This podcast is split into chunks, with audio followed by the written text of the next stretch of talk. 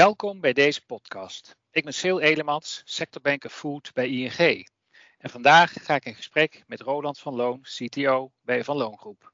Al meer dan 50 jaar een ondernemend familiebedrijf dat elke dag met passie bezig is met innovatieve en vooruitstrevende vlees- en vleesgerelateerde producten. We kunnen het bijna dagelijks volgen. De vleesketen staat onder druk. Tegelijkertijd blijft de vraag naar dierlijke eiwitten nog vele jaren groeien. Het stikstofdossier en thema's als dierenwelzijn en een eerlijkere waardeverdeling worden steeds belangrijker. En dat maakt een duurzamere vleesketen des te noodzakelijker.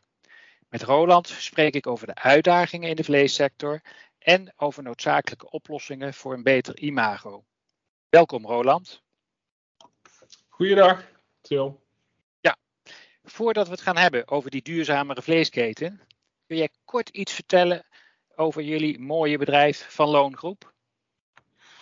Zeker. Um, nou, Van Loongroep is uh, tweede generatie familiebedrijf. Bestaan uh, iets meer dan 50 jaar. Produceren vlees, vleesproducten, uh, vleesvervangers en verse maaltijden voor retail foodservice. Met name in de Benelux. Um, ja, waar staan wij voor? Um, goeie vraag. wij staan ervoor om te zorgen dat onze klanten succesvol kunnen zijn. Dus alles met, met alles wat wij doen, of het nou product is, productontwikkeling of logistiek, eh, innovaties, duurzaamheid, wij zorgen ervoor dat onze klanten succesvol kunnen zijn. En eh, als zij succesvol kunnen zijn met onze producten, onze diensten, dan is dat ook goed voor ons. Dat is eigenlijk de filosofie en het notendop van ons bedrijf. En wat drijft jou daarbij als CTO? Ja, um, nou, los van uh, familie, zeg maar, um, waar dan ook meteen de mensen bij horen, um, zeg ik um, de duurzaamheid, hè, dus de lange termijn visie ook van ons bedrijf en het feit dat het mega dynamisch is. Binnen onze club is, nou ja, never a dull moment, zo gezegd. En dat houdt het gewoon uh, erg leuk. Ja, maar dat, uh, dat zie ik ook wel. Uh, zullen we dan nu een blik werpen op de vleessector en waar, uh, uh, en waar dat naartoe gaat en hoe jij dat ziet? Zeker. En dan, dan, begin ik maar met de eerste. Van, ja, weet je, wat is er toch aan de hand hè, met dat imago van die vleesverwerkende sector? Ja, ja dat imago is niet best. Ja, het is uh, ja, dieronvriendelijk, milieu-onvriendelijk. Um, zeg maar eigenlijk alles wat uh, negatief is, wordt wel geassocieerd met, uh, met, met uh, de sector. arbeidsmigranten, corona, nou, je kent ze gek eigenlijk niet bedenken. Nee. ja, wat is eraan? Ja, weet je, ik denk dat veelal wel op emotie gereageerd wordt en niet zozeer op de feiten. En, en dat is wel een ding. En, een mooi voorbeeld is wellicht vorig jaar, of het jaar ervoor alweer, het eerste jaar in de coronacrisis, toen met uh, de, de slachthuizen, hè, wat daar toen uh, speelde. Uh, met de, de besmettingen daar. Um, ja. Nou, dat wordt zo extreem uitgemeten in de media, terwijl dan achteraf blijkt dat dat niet, niet, niet, niet eens zozeer bij deze sector ligt, maar gewoon sectorbreed is.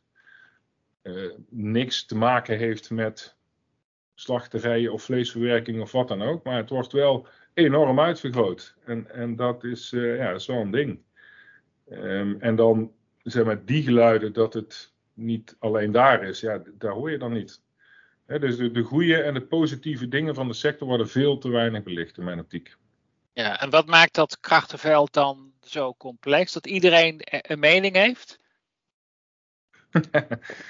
Uh, een mening vind ik uh, prima, die hebben wij zelf ook. En, en uh, het, is, het gaat er alleen een beetje om hoe je die ventileert. Ik hou er wel van dat het feitelijk onderbouwd is. En ja, dat is heel vaak ver te zoeken in, in, bij ons in de branche. Um, bovendien heb je, nou, hoe je het ook bent of verkeerd, toch te maken met, met levende dieren. En, en de, nou ja, het sentiment wat daaromheen speelt is natuurlijk gevoelig. En wordt vaak door een aantal activistische partijen enorm uitvergroot. Dus uh, ja, ja, dat, dat, ja, dat, maakt het wel lastig. Of lastig, Herkenbaar, complex. Ja. Ja. En als ik het dan meteen uh, vertaal naar Van Loongroep zelf, hè, uh, hoe zien jullie uh, jullie verantwoordelijkheid dan voor die wereld van morgen? Um, die, uh, die, die, zien wij nadrukkelijk. Um, wij hebben een heel duidelijke strategie voor de toekomst. Uh, daar hebben we vier pijlers en een daarvan is uh, duurzaam ondernemen.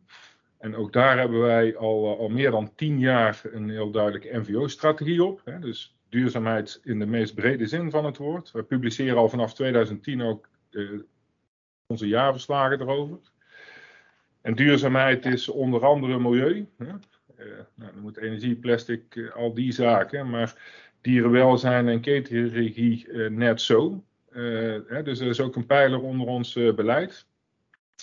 En daar, um, ja, daar nemen wij heel proactief en heel duidelijk onze verantwoordelijkheid. Dus als je kijkt naar een stuk ketenregie. Um, nou, wij hebben zeg maar, al het varkensvlees wat wij binnen de groep verwerken, dat is allemaal minimaal één ster beter uh, leven. Dat komt allemaal uit eigen keten. Die varkenshouders staan bij ons onder contract.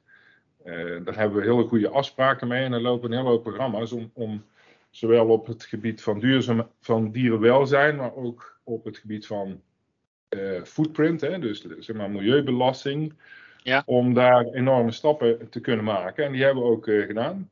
Um, wij hebben de afgelopen twee jaar bijvoorbeeld het, uh, ons varkensvlees uh, concept, varken op zijn best, onze keten dusdanig opgeleid dat wij uh, um, klaar zijn om daar nou ja, enorme resultaten te boeken. Wij kunnen alleen door wat voeraanpassingen de footprint van varkensvlees met 30% verlagen binnen ons concept. En dat kunnen wij omdat wij maar met een heel beperkt aantal voerleveranciers werken, met één genetica-lijn, met niet meer dan drie dierenartsen op al onze varkenshouders in Nederland. En daar hebben we een programma lopen waar we op kunnen schakelen. Um, ja, dus dan zit je in samen in ontwikkeltrajecten. Samen, je moet dat van, uh, nou ja, van, van voer tot, uh, totdat het uh, bij de consument is, moet je dat samen doen. En dat gaat niet als je daar heel veel partijen in hebt zitten. Dus wij hebben dat echt uh, heel bewust uh, strakker gezet. Nou, en, en hè, er loopt nu onder andere ook nog een project met, uh, met mestverwerking. Wat gewoon ook een hartstikke mooie nou, A, energiebron en B, mineralenbron is. en wij durven te stellen dat wij voor 2030 ons varkensvlees CO2-neutraal hebben mooi voorbeeld. Hè? Want die verankering hè, waar je het net over had in die keten, hè, dat, is, dat is natuurlijk de grote uitdaging. Hè? Want als het als bij één schakeltje niet goed zit, dan heb jij een probleem. Ja, nou daarom eh, zorgen wij er ook voor dat wij zoveel mogelijk, en gelukkig is er al bijna al het vlees uh, uit eigen keten komt. Uh, varkensvlees komt helemaal uit eigen keten. Ehm, rundvlees voor een groot deel, twee sterren beter leven, maar ook kip Hè, of gevogelte komt al eigenlijk allemaal uit uh, wat diervriendelijkere uh, concepten. Nou, we hebben vanuit onze grondstofbedrijven ook een heel team erop zitten die daar uh, strikt op toeziet. Um, nou, is er een garantie dat er nooit iets zal gebeuren? Nee, dat is het niet. Maar we sluiten wel zoveel mogelijk de risico's uit. Um, nou, daar voel ik me wel, wel comfortabel bij in ieder geval. Ja, wat je ook ziet is dat eh, toch, hè, eh, want je ziet meerdere initiatieven, hè, verduurzamingsinitiatieven in, in de keten, gelukkig. Dat is ook uh, nodig. Mm. En toch zie je wel dat maatschappelijk debat verscherpen. En, en, en wat is jullie aanpak daarbij? Um, nou, ik, persoonlijk vind ik, je moet altijd in gesprek blijven met al die partijen. Dat is wel heel belangrijk. En, en uh, dat is niet altijd even makkelijk bij de echt activistische uh, partijen, maar uh, wel altijd in gesprek blijven en ook toelichten en zo transparant mogelijk zijn met alles wat je doet. Dat vind ik wel uh, nou, belangrijk en ik vind het ook belangrijk om op zijn tijd ook een tegengeluid te laten horen van de, de, de goede dingen ook die de sector, hè, waar wij onderdeel van zijn, ook doet. Dus dat ja, de scherpe randjes eraf kunnen halen, zeg maar. En heb je zo'n tegenvoorbeeld uh, paraat?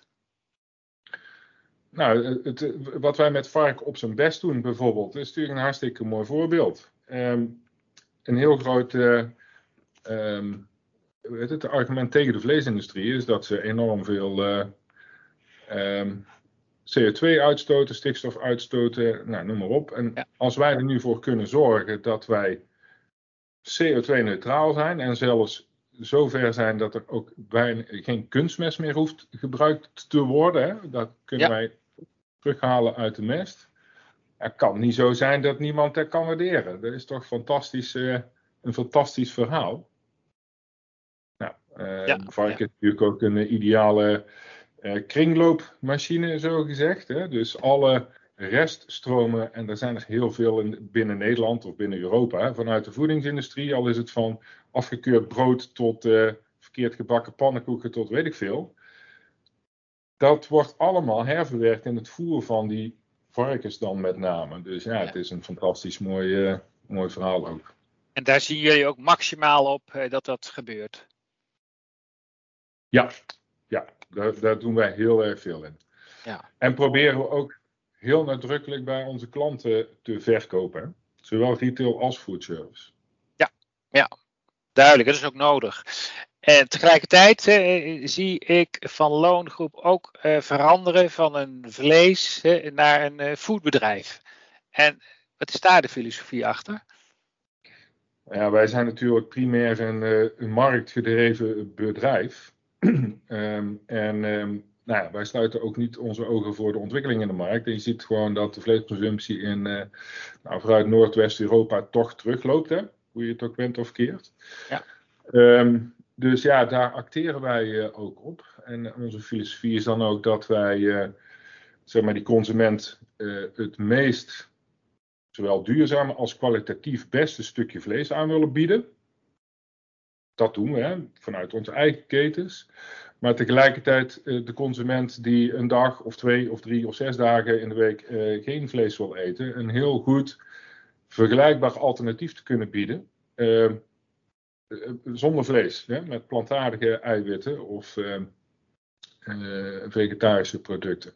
Nou, dat is onze, onze filosofie erachter. Nou, wat, wat ook meespeelt is dat um, we de, de grondstoffen verschillen, maar de een groot deel van de processing van die producten, of het nu zeg maar uh, vegetarische producten zijn of dierlijke producten, uh, die, dat, dat kan met dezelfde machines en op dezelfde manier, uh, of het nou vlees of vegetarisch is. En ook het hele logistieke apparaat erachter, richting uiteindelijk die klant.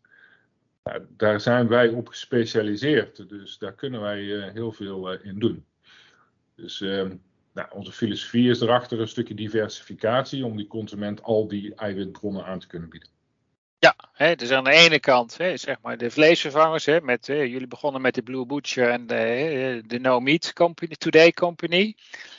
En hè, ook zeg maar in maaltijd, uh, maaltijd de kant-en-klare maaltijden. Ja. ja, want ook daar zie je is dat een markt waar nog steeds groei in zit. Hè? Of het nu vanuit de supermarkt is of, of vanuit, nou, noem het nou maar new retail, hè? De, de, de Hello Fresh van, de, van deze wereld. Ja.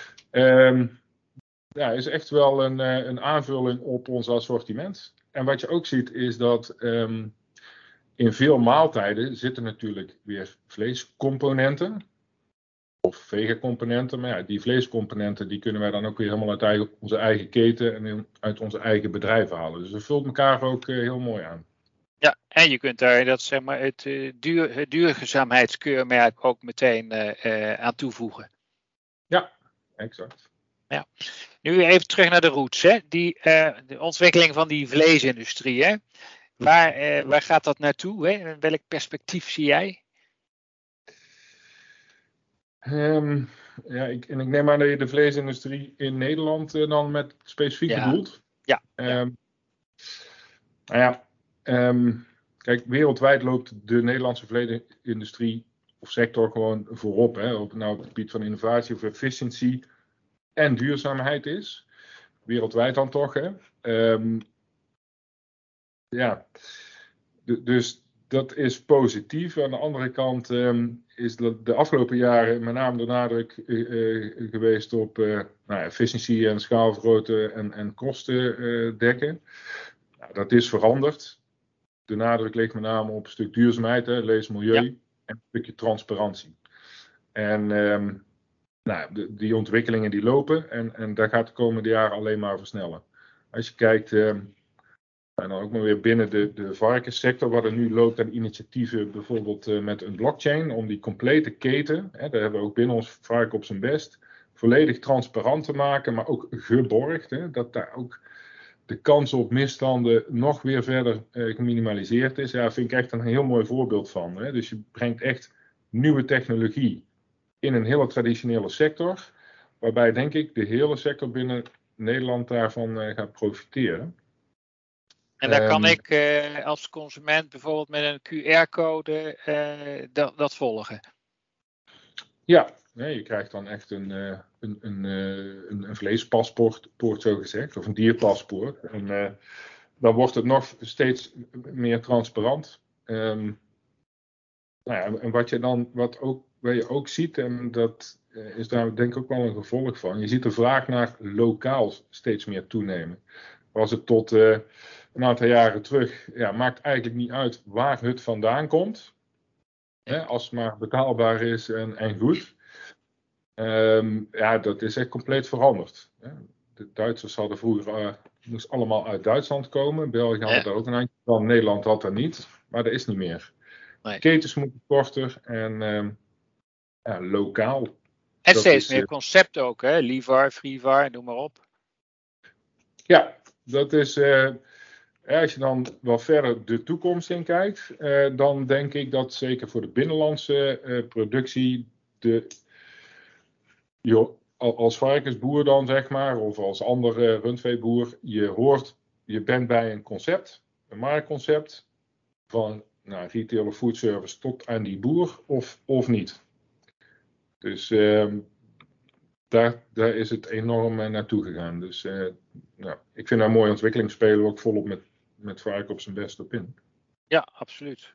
Ja. En dat zou, is dat dan ook meteen jouw oproep aan de sector? Um, ja, Blijf innoveren, werk samen in ketens. En dat moet verder gaan dan alleen papieren afspraken. Ik, ik denk, of wij zijn van mening, dat je daar echt stappen in moet maken. We hebben die gezet de afgelopen jaren. En stappen, dat bedoel ik keuzes. Je kunt niet iedereen ondernemer laten zijn en in een strak concept deel laten nemen, want dat gaat niet. Je moet keuzes maken ergens. En ja, de, af en toe doet dat pijn, maar voor de langere termijn is dat noodzakelijk. Um, ja, dus dat, hè, als je het dan over een oproep hebt. En vooral ook, ja, laat ook een tegengeluid horen. Ja, de sector brengt heel veel goede dingen op voeding, op herverwerking van die reststromen, minerale energievoorziening, noem maar op. Daar moeten wij veel trotser op kunnen zijn. Ja, en gaan, gaan jullie dat nog, nog meer eh, naar buiten brengen, ook in samenhang met de COV? Ja, ja voor, vanuit COV uh, gaat uh, komend jaar sowieso een communicatiecampagne lopen. Ook om dat geluid te laten horen. En uh, daar ben ik erg blij mee. Dat had van mij betreft eerder al gemogen. Maar ja, dat kost ook geld natuurlijk. maar ik ben blij dat dat gaat gebeuren. Ja, we hadden het net al even over duurzaamheid, maar dan meer gerelateerd aan milieu, dierenwelzijn. Uh, maar bij de nieuwbouw in Zon een paar jaar geleden toen uh, had jij al een hele mooie uitspraak hè, van iedereen praat over duurzaamheid, van loon doet het. Uh, ja. Hoe zie je dat vandaag de dag? ja, precies zoals je het zegt eigenlijk. Um, ja, wij zijn daar al uh, meer dan tien jaar mee bezig. Ik heb een hekel aan nou, geurbakken lucht, zeg maar. en en dat vertaal, ja, ik ben binnen de club verantwoordelijk voor duurzaamheid. En ik, nou verplicht niet, maar, maar we, ik, ik uh, leg wel de nadruk op dat iedereen daarmee bezig moet zijn. We hebben daar een hele duidelijke strategie. We hebben daar een hele mooie kapstok ook voor iedereen. Of het nou HR of productontwikkeling of kwaliteit of productie is, die krijgt uh, dat mee en die moeten daar ook jaarlijks iets mee doen. Um, nou, ketenregie, hè, daar hebben we een aantal hele mooie projecten lopen. Uh, maar als je dan over milieu hebt, verpakkingen is ook een ding bij ons in de business natuurlijk. Um, nou, daar hebben we bijvoorbeeld uh, afgelopen jaar een aantal hele mooie trajecten uh, af kunnen ronden ook. Een, een, een, een tray vervangen door een flowwrap folie, waardoor we 70% minder folie gebruiken. Ja. Nou, als je kijkt op het aantal consumentenverpakkingen wat wij doen, dan is er een, een, een enorme berg. En uh, ja, daar zijn echt wel de leuke, ja, de leuke dingen. Um, ja, um, en op het gebied van uh, energietransitie, hè? ik denk aan koeling, et cetera, dat, dat zijn ook energieslurpers. Ja, nou daar hebben we ook een programma op lopen. We hebben natuurlijk in de afgelopen jaren best wel een aantal bedrijven overgenomen.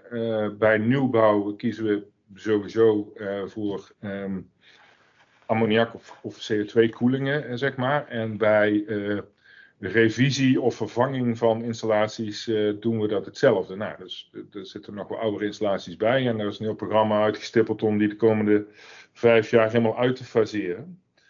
Want ja, een groot deel van onze scope 1 en 2 footprint wordt bepaald door, uh, door koude middellekkages. Die zijn natuurlijk mega milieuvrond uh, weet het, vervuilend. Ja. En ja, dat kost wel geld, maar daar investeren wij graag in. Dus daar houden we wel rekening mee op het moment dat we die vervangen. Nou, verder hebben wij ehm, nou, overal waar kan zonnepanelen op het dak liggen. Maar ja, dat, dat doet tegenwoordig iedereen. Hè? Ja, we dat is laaghangend feit, hè? Ja, goed. En ja, op een gegeven moment ligt het dak vol en dan moet je iets anders, zeg maar. Dus wij verbruiken veel meer elektra dan dat we zelf op kunnen wekken. Dus wij wij kopen in ieder geval al meer dan, de, meer dan de helft van de stroom die we bijkopen is uh, groen, maar dan ook echt groen, hè, met Nederlandse uh, GVO's. Um, ja. Ehm, om, ja, daar staat dus echt ook windenergie tegenover. En nou, dat wordt in 2015, 25 zal er 100% zijn. Dus ook aan die kant ja, um, maken wij daar bewust keuzes. Ja, wij doen dat. Ja, en ook korte termijn doelen, hè, hoor ik je al zeggen. Ja, vijf en tienjaars uh, doelen en uh, jaardoelstellingen. Uh, en ook alle locaties krijgen ieder jaar nou, met de budgetrondes gewoon een set richtlijnen mee waar zij mee aan de slag moeten. Of nou op watergebruik, afvalvermindering, energieverbruik, nou al, al die dingen moeten zij iets mee doen. Ja, duidelijk. Uh, nu heeft onlangs het kabinet de aanbevelingen van de commissie Roemer overgenomen. En dan hebben we het nog weer even over hè, de discussie rond de arbeidsmigranten. hebben jullie zelf al oplossingen gevonden voor hoe, hoe, om te gaan hè, met het werken met arbeidsmigranten? Ja, um, nou, vooropgesteld, wij doen geen huisvesting zelf tenminste het stukje huisvesting dan, uh, dat, dat ligt inderdaad bij ons uitzendbureaus.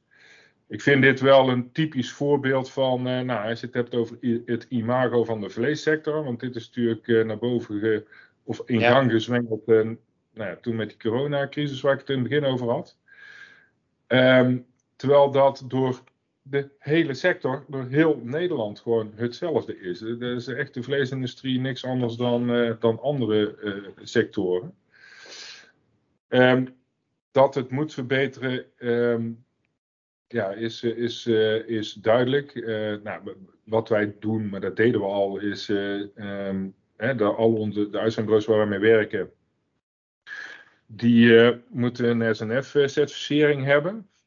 Wat dan naar boven komt, is dat die in de praktijk nou niet echt zo strikt getoetst, gecontroleerd wordt als wij graag zouden willen hebben. Maar primair vind ik wel dat daar die verantwoordelijkheid ligt. Ja. En niet, niet zozeer bij ons als bedrijf. Hè. Het is onze verantwoordelijkheid om die uitzendbureaus daarop te selecteren en ook op te, aan te spreken. Maar goed, dat is hun businessmodel. Um, nou, dat doen wij. Hè, en ja, um, ik moet zeggen, tijdens de coronacrisis in 2020 hebben we wel ook zelf steekproefsgewijs controles gedaan. Ehm, op onder andere huisvesting, op transport. Um, nou ja, dat, dat was meer incidenteel. Um, ja, maar Wel, je bent er wel iets dichter op gaan zitten. Ja, zeker. Dus uh, iedere crisis uh, levert altijd wel weer iets nieuws en iets goeds op. Maar... Nou ja, weet je, soms stel je dan toch nog even die extra vragen. Je bent misschien niet direct verantwoordelijk, maar je stelt, ja, maar hoe hebben jullie het dan wel geregeld? Hè? Gebeurt het allemaal wel veilig? Um, ja. Dan eindig ik met de hamvraag van dit gesprek. Hoe kijk jij aan tegen die duurzame vleesketen? Nou ja, dat weten we nu wel hè, na, na, na, na dit interview. Maar hmm. Kan dat, denk jij, zonder forse krimp van de veestapel? Of eh, is dat eh, echt hmm. onvermijdelijk? ja, nou, ik vind het een goede vraag. Um, nou, kijk, weet je wat het is? Er wordt eigenlijk nergens in de wereld zo efficiënt vlees geproduceerd als in Nederland. Uh, en efficiënt leest duurzaam.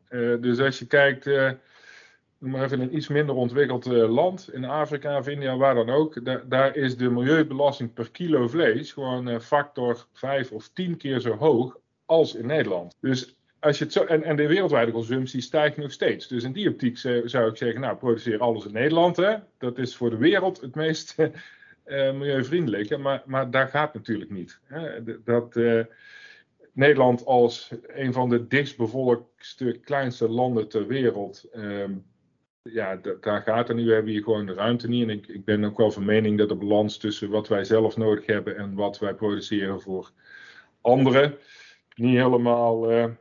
Um, hoe heet het, meer in balans is. Goed is dus. Dus die, dat daar een krimp volgt, daar ben ik het wel over eens. Ehm, de forse krimp waar ze het over hebben, zeg maar tot maar 5%, daar, daar geloof ik niet.